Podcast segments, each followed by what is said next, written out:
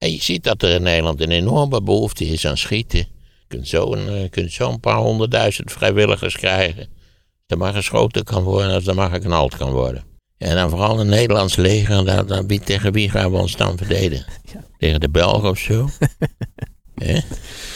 Ja, sowieso stelt dat leger al niet zo heel Tegen veel die. Duitsers, neonazis of zoiets? Nee hoor, kom op. Het verlossen, kunt u mij horen? Het uh, drieluik Gouden Eeuw, IJzeren Eeuw Uitvinders is eh, nu beschikbaar. Eh, mocht je dat gemist hebben, misschien wel door de vakantie, dan kun je het nu terugluisteren. Voor het gemak hebben we de linkjes naar die afleveringen ook eventjes in de show notes gezet. Ik zag gisteren een filmpje van een hondenbus.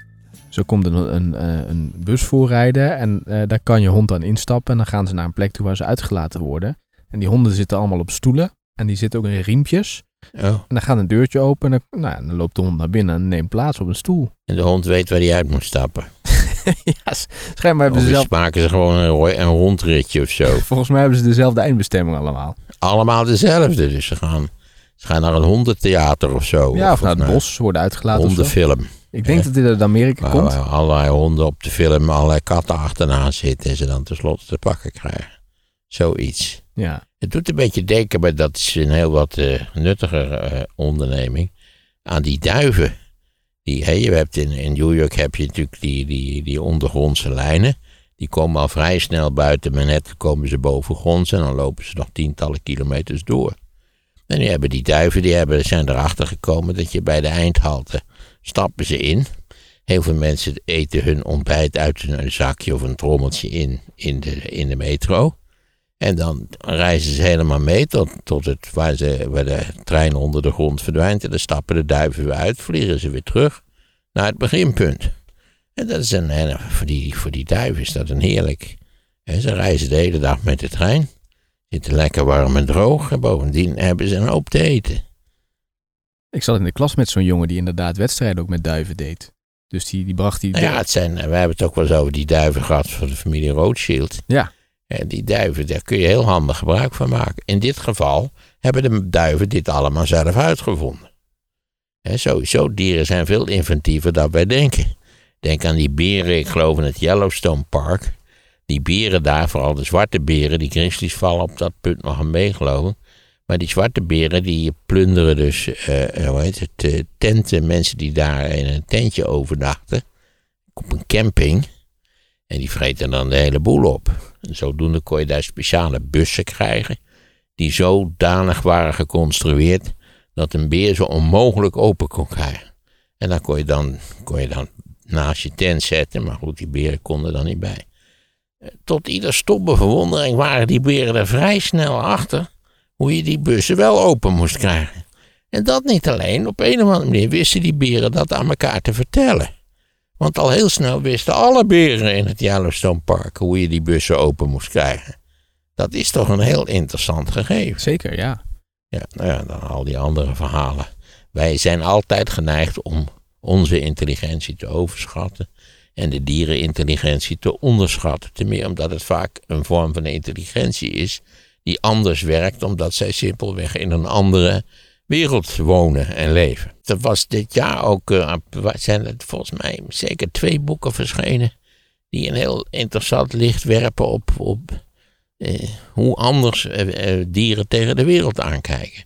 Nog afgezien van het feit dat tal van dieren, tal van insecten, zintuigen hebben waarmee ze dingen kunnen waarnemen die wij helemaal niet kunnen waarnemen. Bijvoorbeeld ultraviolet licht. Kunnen wij niet waarnemen. Er zijn tal van dieren die dat wel kunnen. Kortom. En denk aan hoe goed honden kunnen ruiken. En dan heb je nog, ik geloof, aasvliegen. Die, die kunnen een, een groot kadaver ruiken over 30, 40 kilometer afstand. Ja. Of denk aan al die dieren die ze kunnen leren om landmijnen op te sporen. Hm. Op te sporen. Dat hoor je nu ook als het gaat over biodiversiteit. Hè? Dan hebben ze het natuurlijk over de afname van biodiversiteit. Doordat bijvoorbeeld een bepaalde diersoort of een insect uitsterft. En dat die hele biodiversiteit in dat gebied dan eh, eh, eh, aan het wankelen wordt Ja, gebracht. is natuurlijk, vaak zijn dat samenhangende eh, systemen. Ook wel voor de hand liggend natuurlijk. En ja, je moet het even dicht doen, want het is eh, een heerlijk regentje valt op ons neer. Mogen we nog even een, een, een niet politiek correcte opmerking maken op dit punt. We zeiden het al. Wat een zegen, zo'n lullig wintertje, hè? Heerlijk, nu wel ja. Maar een paar weken En dat er dan meteen overal staat dat het allemaal aan de klimaatopwarming ligt. Over de lange termijn, ja, is dat zo. Loopt het langzaam op. Goed, we zullen zien wat de uiteindelijke effecten zijn. Het nog even over... Maar voor de bejaarden is de milde winter, die volgens iedereen het gevolg is van de klimaatopwarming, een onbeschrijfelijke zegen. Heerlijk, ja. Het klinkt egoïstisch, ik kan er niks aan doen, maar het is wel zo. Heb je niet die eh skipistes gezien in Frankrijk? Ja, dat, maar dat werkt enorm op mijn lach. Maandverband skiën noemen ze dat. Ik wist niet dat het zo genoemd werd. Maar daar was één streepje, was, daar lag nog wat sneeuw. Nou, het is. eh, ja, ze hebben van die sneeuwkanonnen die ze erop gezet hadden, toch? Ja, dat, Ja, dat- dit, er zijn natuurlijk massa's dorpen die, die, die leven van dat seizoen, van die drie maanden dat de sneeuw ligt. Is er dan geen sneeuw, dan zijn ze volledig de sigaar. Dan gaat iedereen failliet. En Ja. de horeca, al die lui die die chaletjes vuren, de hele Sante Kraam gaat op de fles. Ze gingen nu met mountainbikes gingen ze aan de slag. Om dan toch nog maar iets ervan te maken. Ja, het is wel een grote treurigheid. Ik heb nooit iets in wintersport gezien. Mijn vrouw ging altijd, ik, die vind, vond het leuk, kinderen vonden het ook leuk, hoewel mijn dochter haar twijfels had. Dus mijn vrouw ging altijd eh, met de kinderen naar de wintersport. En jij bleef lekker thuis. Ja, ik bleef heerlijk thuis. Maar waar het ook altijd dit soort van weer was. Hm. Grijzig, een beetje regen. Ja, ik heb een ontzettende hekel aan vorst, aan sneeuw, aan ijs. En dan ga je dus dik betalen om ergens naartoe te gaan waar vorst, sneeuw en ijs zijn. Nou ja, dat, dat is toch onbegrijpelijk. Ik, hoor, ik spreek wel eens moderne ouders en die zeggen dan van eh, eh, skiën en skiles nemen. Dat hoort toch wel bij de moderne opvoeding. Kijk, ik denk dat is jouw... Hey! Ja, Daar hebben we mijn kleinzoon. ja, die komt gezellig op bezoek. Ja, die komt op bezoek. Dat is al groot. Hij is vijf. Ja, dat gaat enorm snel. Nou, het is ook wel een kwik ventje hoor. Ja, je begrijpt dat ik natuurlijk bevooroordeeld ben in dit, in dit verband. Eh, vijf, ja. Het is, het is wonderbaarlijk wat een kind van vijf al weet en kan. hè? Ja. En zie je iets van jezelf terug in je kleinzoon? Nee. Nee, ik was een sloom ventje. Hij is, oh, hij is het tegendeel van sloom. Ik weet wel dat mijn opa over mij zei, ik zou toen een jaar of vier, vijf, ongeveer deze leeftijd zijn geweest. Dat ventje is oud geboren. Dus dat geeft al een beetje aan dat ik een, een rustig, beschouwelijk kind was. Ook niet vechtlustig of zo, of, of schreeuwerig, of nou ja, al die dingen die ontbraken bij mij een beetje. Maar zie je iets terug dan van een ander familielid? Want dat wordt nog wel eens gezegd, hè, dat er dan iemand anders in de familie... Nee, eigenlijk niet. Het is, het is sui generis. Oké. Het is weer een heel apart nieuw, nieuwe editie. Je weet ook totaal niet hoe, een kind zich zal ontwikkelen natuurlijk. Ja. Ja, want ook, wat, ja, dat oude bekende theorie is natuurlijk dat, dat mensen af zijn als ze drie zijn of zo. Dat dan alle complexen erin zitten en de frustraties en de traumata eh, nuttig opgebouwd zijn. Maar ik geloof daar geen donder van. En je kunt de loop van je leven nog aanzienlijk veranderen qua karakter. Ja, toch zeggen ze dat je op deze leeftijd wel een beetje ziet hoe, het, eh, hoe de vorming... Nou, eh, je ziet wel iets van basiskarakter, ja. Het is een ondernemend, nieuwsgierig kind, zonder meer. Eh, En hij kan ook eh, knap lastig zijn, ook dat. Eh, Dus dat in die zin, ja. Vergeet niet, ja, een klein kind, dat is. eh, eh, je kinderen hebben de helft van jou. Gaan even ruw genetisch te werk. En dit is dan maar weer een kwart natuurlijk. Hè? Er zit drie kwart in van allerlei andere mensen. Genetisch gesproken. Nog eventjes over de biodiversiteit, hè, want dat is misschien wel leuk om daar nog eens een keer eh, iets aan te doen, aan de, aan de dieren en wat we daarvan kunnen leren. Ja, dan zou ik dat enorm leuke boek moeten lezen. Eh, Ik ben nu even de titel kwijt, maar er is de afgelopen weken is daar veel aandacht aan besteed volgens mij. Ook meerdere krantenartikelen zijn daar aangeweid. Maar het is natuurlijk een algemeen bekend feit dat dieren vaak ook enorm ingewikkelde communicatiesystemen erop nahouden. Denk aan die walvissen, niet waar die met elkaar over hele grote afstanden kunnen communiceren door wonderlijke geluiden te maken. Je hebt dat vast wel eens gehoord, hè, dat, dat, dat walvis, die walvisgeluiden. Het schijnt dat als je in asiels, waar die honden de hele dag zitten te blaffen, als je dan die walvis eh, eh, disk afdraait, dat ze geleidelijk aan tot rust komen. Oh, is dat zo, ja? Ja, een beetje hetzelfde als met deze podcast. Al die mensen die in slaap vallen als ze mijn stem langer dan 10 minuten horen. Zoiets, eh, zoiets is het eigenlijk. Het is een heel diep geluid, toch? Ja, het zou kunnen. Olifanten die kunnen, die kunnen op de grond stampen. En dat geeft natuurlijk heel laagfrequente trillingen. En die, die kunnen op die manier kunnen die, uitvogelen waar andere olifanten zich bevinden, hoe ver dat weg is enzovoort. Ook, het zijn zulke laagfrequente trillingen dat wij mensen er helemaal niks van merken. is wonderlijk eigenlijk toch, hè? dat ieder dier heeft een bepaalde functie. Nou ja, een bepaalde functie die, die, die heeft een reeks van eigenschappen waarmee die zich redden kan. Ja, maar Nou, tenminste in, in, laten we zeggen, de omgeving waar die, waar die succesvol leeft. Want als je die omgeving opdoekt, je bouwt er bijvoorbeeld een stad, dan zal een groot deel van de dierenwereld verdwijnt. En er komt een heel nieuwe dierenwereld voor in de plaats. Ik bedoel, eh, de, de meeste vossen in Engeland leven in Londen. Niet op het platteland. Want dan word je achter de vodden gezeten. Vanwege de vossenjacht. Nou, geloof ik die, dat die tegenwoordig verboden is. Maar ja, in Londen wemelt het van de vossen. Maar er is ook een bepaalde samenhang natuurlijk. In, in, niet in een stad, maar in een, eh, een natuurlijk gebied. Daar zie je toch wel een bepaalde samenhang tussen de beesten en de planten en dat, is zo, maar de, de stad biedt eh, heel veel dieren een bijzonder aantrekkelijke omgeving. Ik zou zeggen, wilde zwijnen zijn in tal van grote steden in Europa zijn die bezig een plaag te worden. En ik verwacht hier ook in het Wilhelminapark, eh, maar dat zou me niet verbazen. Eh, goede dag dat er zo'n groepje wilde zwijnen verschijnt. En je weet dat is een ramp voor, dat, voor de grasmat.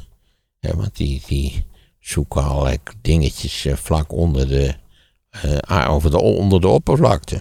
We kennen het ook van de bevers hè, in bepaalde gebieden. Er zijn er ook te veel van. Ja, daar hebben, zijn we met die bevers begonnen. Vonden we een lollig idee. Omdat die bevers natuurlijk in zelf ook weer zorgen. Hè, die bouwen dammen en dan krijg je dus een meertje achter en zo. En dat leidt weer tot grotere diversiteit enzovoort. En al heel snel krijgen wij dan genoeg van die uitgezette beesten. En dan moeten ze weer bestreden worden. Dat is ook vrij karakteristiek. Dat ze dan dingen doen die ons hele... Hadden we nog zo'n afspraak met die bevers gemaakt. Jullie kunnen daar lekker beveren. Hè?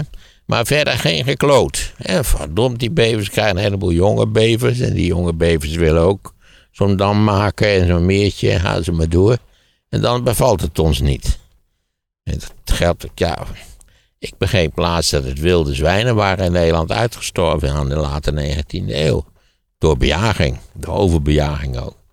Nou ja, die zijn opnieuw geïntroduceerd door prins Hendrik, die niet voor niks Varkens Heintje heette. De echtgenoot van Wilhelmina. Ja, omdat zijn enige liefhebberij was doodschieten van wilde zwijnen. Daarom had hij ze ook hier geïntroduceerd om ze dood te schieten. Net als een exoot de fazant, die geloof ik oorspronkelijk uit China komt, al weet ik het niet precies zeker. Die is geïntroduceerd om op te paffen. En, die zijn ook geselecteerd, en dat fazanten zijn zoals je weet uniek stomme dieren. Ja, dus die hebben altijd de neiging om in de richting van de jagers te vliegen. Maar zullen ook wel weer ergens goed voor zijn, toch? Die Nou ja, het, hele, de hele, het hele idee van de jacht als een lolletje. Zo'n leuk uitje. We gaan van- vannacht, vanmiddag gaan we jagen. Gaan we lekker beesten doodschieten, hazen doodschieten. Kijk, ik ben, ik ben een, als je geen eten hebt en eh, je hebt wel een geweer en geen eten, je kinderen zitten, zitten magertjes te schreeuwen in het schuurtje. Dan mag je van mij erop uit om een haas te schieten, of weet ik wat je gaat schieten. Dat mag. Maar waarom je met een hele reeks van lui, bovendien met, met van, die, van die lui die dan eerst in het bos moeten gaan schreeuwen en met stokken slaan, om die beesten tevoorschijn te toveren, hoe heet dat ook alweer? Dat is ook een naam voor die lui. En dan staat die hele groep, nietwaar, met van die plusvoors en jachtpetjes op te wachten met geweren, om op die beesten te schieten. Meestal zijn ze nog te lui om mijn eigen geweer opnieuw te laden. Dan hebben ze een lader naast zich staan die dat, dat ding dan laat en dan een tweede. Nou, dat is toch van een treurigheid. Eh, kijk, dat, dat is natuurlijk ook een overblijfsel van, van feodale toestanden. En ooit zal die jacht wel een soort betekenis hebben gehad. Maar hou op met die flauwekul nu. Willem-Alexander doet het ook nog, hè? Ja, en zijn dochter heeft ook eh, haar jachtbrevet Ja. gehaald. Ja, terwijl je daar toch zou kunnen voorstellen van... hey, nieuwe generatie die zegt... hey pap, hou eens op met die flauwekul. Dit, dit, eh, dit gaan we niet meer doen. Nee, het schijnt volgens mijn eh, dochter, mij vertelde mij, dat zij mensen had, kende die ook een jachtvergunning hadden gehaald. Een jachtdiploma, en dan heb je waarschijnlijk daarmee ook een vergunning om te gaan schieten. Maar moet ik dat dan zien als een soort van hobby? Doen ze dat omdat ze dat ja, gewoon dat leuk is vinden? een hobby. Ja, neem aan dat het een soort hobby is. En dan ga je in het weekend ga je dus in een levend dier doodschieten. Ja. En waar zit dan het Lekkere plezier? hobby. Waar zit dan het plezier voor die mensen? Ja, ik, ik neem aan in het feit dat ze voortdurend raak schieten. Of dat ze eh, uniek goed zijn in het schieten. Of ja, dat ze maar naar boven hoeven te kijken of ze kunnen een vogeltje uit de lucht knallen. Denk ik. Ik heb geen flauw idee. Of, of algehele gezelligheid van het, van het knallen. Het zit op het niveau van, de, van, de vuur, van het vuurwerk, denk ik. Ja. Je vraagt je af waarom hier een... Er zullen vast politieke partijen zijn die hier een stokje voor willen steken. Maar dat dit nog niet verboden is in Nederland, nu in deze tijd. Nee, maar het is helemaal niet verboden. Er wordt op grote schaal gejaagd natuurlijk. Ja. Vrijwel alle, voor zover we nog natuur hebben, veel is het niet. Daar kun je jagen, daar kun je een, een vergunning voor krijgen om daar de, de hazen dood te schieten of wat Maar zit. vind je dat niet gek? Ik neem aan dat je mag niet op beschermd wild schieten, dus ik denk dat de eekhoorns beschermd zijn. Maar konijnen en hazen zijn niet beschermd bij Ja. mijn weten. Maar in de tijden van de woke-cultuur en de cancel-cultuur... Ja, er zijn natuurlijk mensen die er tegen zijn. Ik ben er dus ook tegen in de zin dat ik niet goed begrijp waarom het lollig is om op zaterdagmiddag zes hazen dood te schieten. Ja, zes, dan weten ze zelf op. Nou ja, als je ze dan zelf opeten, alleen. Dat is dan een stap in de goede richting. Moet je wel een heleboel hazen opeten in de komende weken natuurlijk. En dit zijn denk ik mensen van adel die dat ook doen. Daar hoort het natuurlijk ook van. eh, Ja, dus- dat is natuurlijk een, klassiek aspect van, van, eh, van de aristocratie. Dat je jacht, dat je dat een iets leuks vindt. Hè? En dan denk aan allerlei mensen natuurlijk die de groot wild jachten. Je moest dan de Big Five moest je gaan schieten in Afrika. Wat was het ook weer? Olifanten, buffels, leeuwen. Noem nog eens wat. Dan zit, zit ik nog maar op drie. Ja, een giraf. Ik weet niet of die er ook bij hoort. Ja, dan moet je wel heel hoog kunnen. Nou ja, Nijlpaard. nijlpaard misschien, ja. Maar dat is spreekt minder tot de verbeelding. Bovendien zijn nij- nijlpaarden bar gevaarlijk, heb ik begrepen. De enige echt gevaarlijke dieren in Afrika. Ja.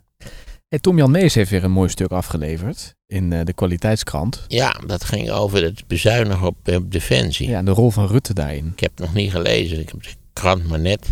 De krant was ernstig door de regen aangetast. Dus die, Oh, die ligt te drogen ja, eerst die ligt te drogen, zo is het. Nou, het komt er in ieder geval op neer dat eh, Rutte zich persoonlijk heeft eh, bemoeid met de bezuinigingen bij Defensie. Ja, dat kan ik me wel voorstellen. Hans Hille wordt Kijk. aangehaald in het artikel. Ja, een groot denker. Eh, nou ja, eh, die zaak ligt natuurlijk betrekkelijk simpel. Op het moment dat die bezuinigingen doorgevoerd werden, leek dat volkomen redelijk te zijn. Dat nu achteraf en pas nadat eh, Poetin eh, de Oekraïne heeft, heeft aangevallen, iedereen zegt: Oh, hadden we het maar niet gedaan. Hadden we de zaken maar op orde houden. Dat is maar heel betrekkelijk in allerlei opzichten. Daarbij moet ik eigenlijk het voorbeeld geven van, god, hoe heet die man nou toch ook weer? Die eh, minister, eh, Duitse minister van, van productie, ook tijdens de Eerste Wereldoorlog. Nou, dat kan er nu niet opkomen, doe er niet veel toe, dat moeten de mensen even thuis opzoeken. Hij is later vermoord door rechtse, rechtse radicalen. Ehm, god, dat nou ja. Weer zo'n ouderdoms, ouderdomskwaal. Maar goed, na de Eerste Wereldoorlog waren de Duitsers gedwongen om eigenlijk een groot deel van hun bewapening weg te doen. En hun leger te beperken tot een soort kernleger van, ik meen, 100.000 man.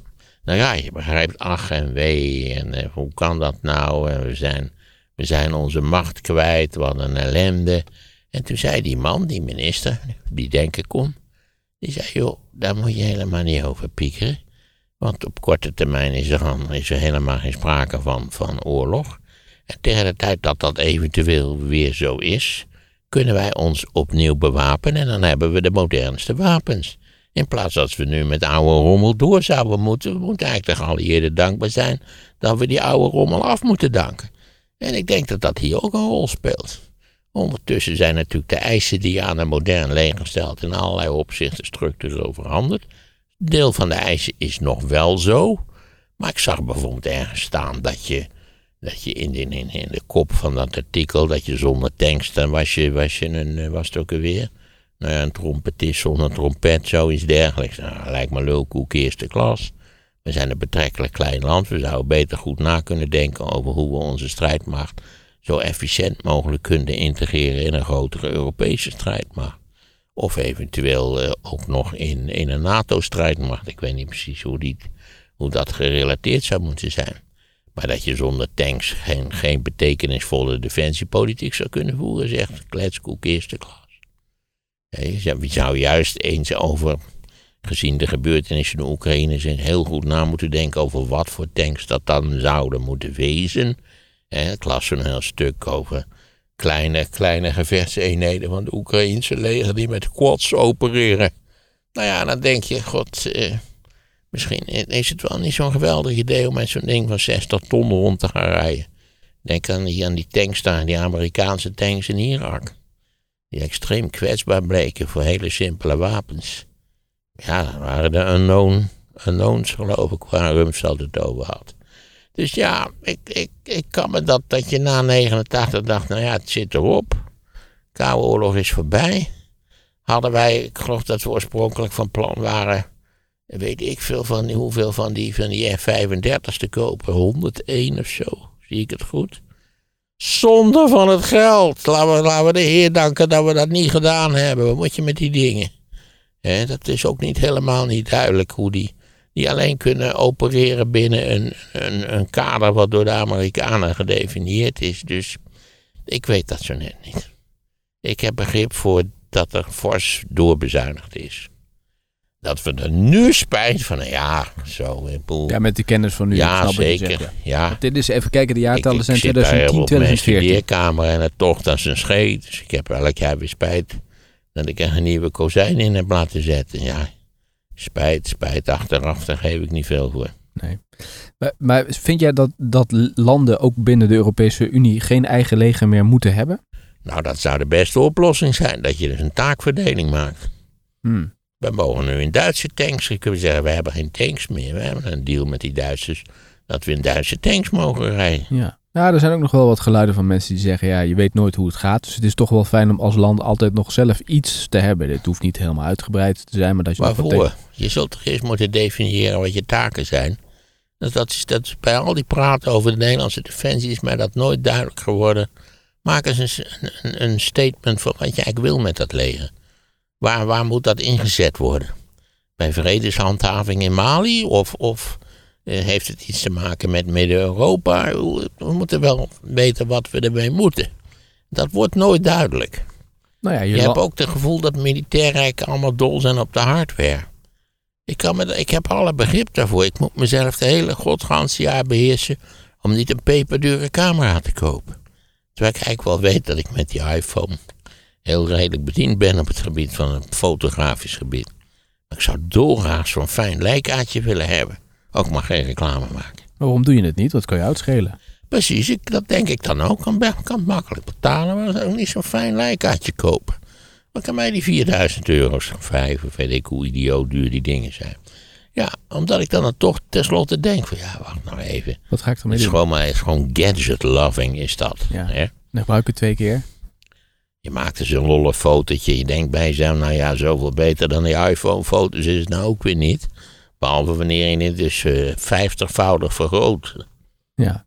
Nou, we hebben het nu natuurlijk over Europese integratie, maar het, het, zou een keer kunnen zijn, je kunt het je nu niet voorstellen, dat dat verhaal ook een keer anders ligt. Dat mensen denken, we gaan toch weer ons eigen land verdedigen. En is een eigen leger wel fijn en Dat zou kunnen, maar dat zien we tegen die tijd dan wel.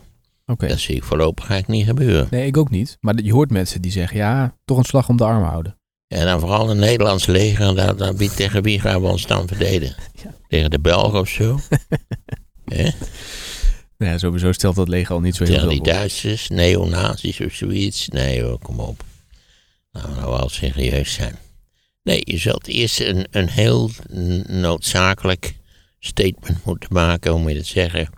Definitie moeten maken van wat je wil met dat leger. Als je dat niet doet, ja, dan blijf je ook. Dat was toch het, het, het, het beleid van het Nederlandse leger was dat we in alle geweldsspectra mee zouden moeten kunnen doen. Hou nou toch op. Wat een kletskoek is dat nou toch. Ik bedoel, we zijn een piepklein land.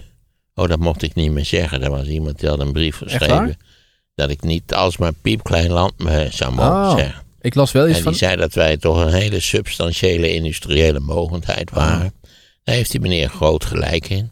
Maar vergelijkenderwijs tussen de grote spelers op het wereldtoneel, te weten China, de Verenigde Staten, eventueel India, wellicht ooit Brazilië, als ze daar de, ooit de trein op de rails krijgen, zijn wij een dwerg. Mhm. En hij, is onze betekenis is vooral een, als een onderdeel, een constructief onderdeel van de Europese Unie. Hans Hille in dit eh, verhaal, eh, die zei van ik wilde toch eh, die bezuinigingen iets wat afzwakken. Dat was toen, dat schrijft dus Tom Jan Meijers ook in dat stuk in NRC. En die heeft Rutte hem schijnbaar gebeld van geen sprake van, stuur de brief maar naar de koning, dit moet erdoor. Ik kan me dat van hele best voorstellen. Hij was minister van Defensie. Hmm. Dus dan moet je je Ja. portefeuille verdedigen als de minister-president zegt van het moet allemaal weg, die spullen. Ja. Ja, dat was natuurlijk ook. maar goed, ik kan, ik kan me die stemming in, in, in de jaren na het eind van de Koude Oorlog best voorstellen. Eh, jaren negentig, de holiday for mystery. Ja. Ik ben ook een keer bij zo'n bijeenkomst geweest van het EDF, het European Defence Fund. En wat ik wel interessant vond, is dat het vroeger zo was dat eh, bedrijven keken naar wat er in de defensieindustrie gebeurt en daar dus eh, hardware op gingen bouwen. Het is nu juist omgekeerd. Hè? Defensie kijkt naar wat gebeurt er bij MKB-bedrijven, wat gebeurt er bij andere grote bedrijven. En daar gaan zij op meeliften of halen ze inspiratie vandaan voor de spullen die ze in het leger inzetten. Ze willen dus ook heel graag samenwerken met die partijen. Ja, nou ja. Nou lijkt het me dat een MKB-bedrijf natuurlijk een hele andere taak heeft dan een, dan een vechtend leger. Wat hele specifieke taken heeft. Maar goed, we hebben nu een oorlog, of zijn we bezig een oorlog te voeren in Europa. Laten we de Oekraïne even, die reken ik ook tot Europa. Ik heb daar geen moeite mee, idem dito, Wit-Rusland enzovoort. Ehm laten we eens kijken wat, wat die oorlog ons leert over de moderne oorlogvoering. Er is natuurlijk heel terecht op gewezen dat de oorlogvoering in de Oekraïne in allerlei opzichten ouderwetse oorlogvoering is. Maar tegelijkertijd kun je erop wijzen dat een aanzienlijk deel van die oorlogvoering eigenlijk nieuwerwetse oorlogvoering is. Denk aan de effectiviteit van al die anti- anti-tank eh, spulletjes. eh, die, die door één man zonder al te grote moeite bediend kunnen worden. Eh, Denk misschien aan die quads. Het zijn allemaal dingen die, alles een, die al wel een militaire geschiedenis hadden. Maar hier kun je zien of het effectief is ja of nee. En of je eventueel zelf eh, in die richting je wilt ontwikkelen. Of dat je bijvoorbeeld alleen als Nederlands leger een ondersteunende functie wilt hebben voor grotere landen die ook een omvangrijk, niet waar, eh, geweldsapparaat erop nahouden. Bijvoorbeeld de Engelsen. Of de Fransen. Of de, nou, de Duitsers, die hebben ook erg veel pief-paf voefroepers, geloof ik. En je ziet dat er in Nederland een enorme behoefte is aan schieten. Je kunt zo een, eh, je kunt zo een paar honderdduizend vrijwilligers krijgen. Als er maar geschoten kan worden, als er maar geknald kan worden. Denk je dat die oorlog in Oekraïne nog lang doorgaat? Dat denk ik wel, ja. Nou ja, langer dan wenselijk is, laten we het zo Maar zeggen. komt die tot een einde in 2023? Dat zou me enorm verbazen. Ik heb geen idee, eerlijk gezegd. Alles lijkt erop dat ze het lang gaan volhouden. Ja, zeker bij Poetin. zeker. die- Nou ja, Poetin heeft met zoveel woorden gezegd, ik heb geduld. En nou ja, dat is door tal van mensen opgemerkt, dat die Oekraïners het fantastisch gedaan hebben, nog steeds fantastisch doen. Maar dat als je definieert dat je einddoel is het verwijderen van alle Russen van het soevereine grondgebied van de Oekraïne, nou ja, dat je dat A waarschijnlijk niet gaat lukken. En B, op zijn best, ja, zou het, het huidige Rusland in elkaar moeten zakken of moeten imploderen of exploderen. Dus dat, ja, een beetje realistische visie leert ons dat dat waarschijnlijk niet gaat gebeuren. Dus dan moet je wel weten ongeveer wat je wil en wat je niet wil. Dat die Oekraïners, zolang ze het initiatief hebben natuurlijk, eh, niet van de zaak gaan roepen dat ze graag willen onderhandelen en wat, wat de minimumeisen zouden zijn. Ja, dat is inherent aan elk, elk potentieel onderhandelingsproces. Dat je niet van tevoren gaat vertellen, nou ja, mijn laatste bod is dit of dat. Dat doe je niet. Heb jij nog iets gelezen over de sancties die Rusland nu treft? Ik heb het idee dat ze Nou ja, ik begreep uit de Economist, ik zag alleen de kop hoor, ik moest het, een berichtje van gisteren, dat de Russische economie het verrassend goed gedraaid heeft de afgelopen jaar. Ja, ja. Kijk, ja, die sancties hebben effect, zonder meer. Maar eh, aanzienlijk minder en minder hinderend voor de oorlogvoering dan wij gedacht hebben. Dat de Russen niets terecht hebben gebracht van de oorlogvoering. lag aan het feit dat ze, dat ze waardeloze rommel hadden en waardeloos geleid werden. En ik begreep, ben nou vergeten waar, zoals gewoonlijk, een gebrek aan getrainde onderofficieren. Je las altijd dat de Weermacht zo goed was omdat ze zulke voortreffelijke onderofficieren hadden. Dat zijn natuurlijk de lui die als je in het rijpeltje zit, die, die moeten weten wat je, wat je kunt doen en wat je niet kunt doen. Mhm. Betekent dus ook als het lang duurt dat het Westen zal moeten blijven bijspringen met in ieder geval wapens. Zonder meer, dat zonder meer. En dat zullen we ook naar mijn idee doen en moeten doen. Ja, ik geloof dat niemand daaraan twijfelt dat dat zo is. En, en dat het voor onszelf ook natuurlijk van eminent belang is dat Rusland, ja, dat zal tenslotte neem ik aangepraat moeten worden. Maar dat, Rus, dat het is voor ieders, in ieders belang in, in het westen van Europa dat Rusland zwaar beschadigd uit die oorlog tevoorschijn komt. Dan moet je wel weer met ze in gesprek. Dat, dat vond ik ook van die, van die reden van, van Scholz. Eh, een paar dagen geleden, ik weet niet precies meer wanneer. Ja, dat je kunt wel maar zeggen dat het allemaal verschrikkelijk is, dat is zo. Maar tenslotte moet je weer met ze in gesprek. Rusland is daar. Ja. Rusland gaat niet weg. Het kan zijn dat Poetin ooit weggaat. Het kan zijn dat die club van dieven en moordenaars ooit weggaat. Maar ook daar zou ik niet al te zeker van zijn. Er is geen enkele indicatie dat Rusland, laten we zeggen, de, het, het binnenleven heeft om een fatsoenlijke democratie te worden. Daar geloof ik eerlijk gezegd geen pest van. Die paus Benedictus die nu is overleden, dat was Nou, hij was wel heel oud hoor. 93 95 volgens mij. Nou, niet voor hartstikke oud. En hij was, eh, ja, hij heeft wel volgens mij voor wat verandering gezorgd, maar het was een hele conservatieve kerel, hè? Extreem 95. conservatief. Ja, Heel anders dan de paus die er nu zit. ja. Ja, die ooit mijn sympathie gewonnen heeft omdat hij in een Renault 4 rijdt. Maar voor de rest denk ik dat. eh, ja, het probleem natuurlijk van de Rooms-Katholieke Kerk is dat, dat, dat het een stervende organisatie is in West-Europa. Maar dat het in allerlei werelddelen waar ze het moeilijk hebben, daar draait het goed en daar winnen ze gelovigen. En deze man die was sinds Eerlijk 2000... gezegd eh, is het niet een van mijn topzorgen, de Rooms-Katholieke Nee, Kerk. ik wou net zeggen, ik was deze man ook weer een beetje vergeten. Ik dacht van, hij is toen gestopt inderdaad om gezondheidsredenen in 2013 al. Ja, Dus, toen eh, was hij al 85 geloof ik, of Ja, zoiets dergelijks. Maar hij heeft het dan toch nog een hele tijd volgehouden. Ja, je maar hij heeft topverzorging. hè. Ja. Ja, je zit, je zit daar natuurlijk. eh, ja, neem aan dat de kans dat hij daar een burn-out zou hebben gekregen, dat die niet groot was. Nee. nee, die hebben het wel goed voor elkaar. Dat, dat kan ik ook wel Want hij begreep in de tijd natuurlijk heel goed dat hij het helemaal niet aankon. Ja. Dus dat hij het ook eigenlijk beter niet had kunnen worden. Nou, we moeten het nog hebben over dat boek van uh, Anne-Geet van Bergen, maar dat gaan we wel de volgende keer doen. Het is nou sowieso een ontzettend leuk boek. Daar, daar is Ze heeft ook enorm veel succes mee gehad. Dus Ja. het is ook niet zo dat het een, een, een vergeten boek is of zo, in tegendeel. Maar het, het, was, het is leuk gedaan en het is een enorm goed idee. En het probleem is dat veel historici eh, weinig interesse hebben voor dit soort van dingen. Hoe heeft de wasmachine zich ontwikkeld na de Tweede Wereldoorlog? Dus ja, waar kan mij dat schelen, de wasmachine, hè, het atoomtijdperk. Maar voor vrouwen was dat een volstrekt essentiële zaak. Ik zie mijn moeder nog aanvankelijk hannissen met van die wastijlen die op het, op het gascomfortje moesten staan. Hè. We gaan het daar ook nog over hebben.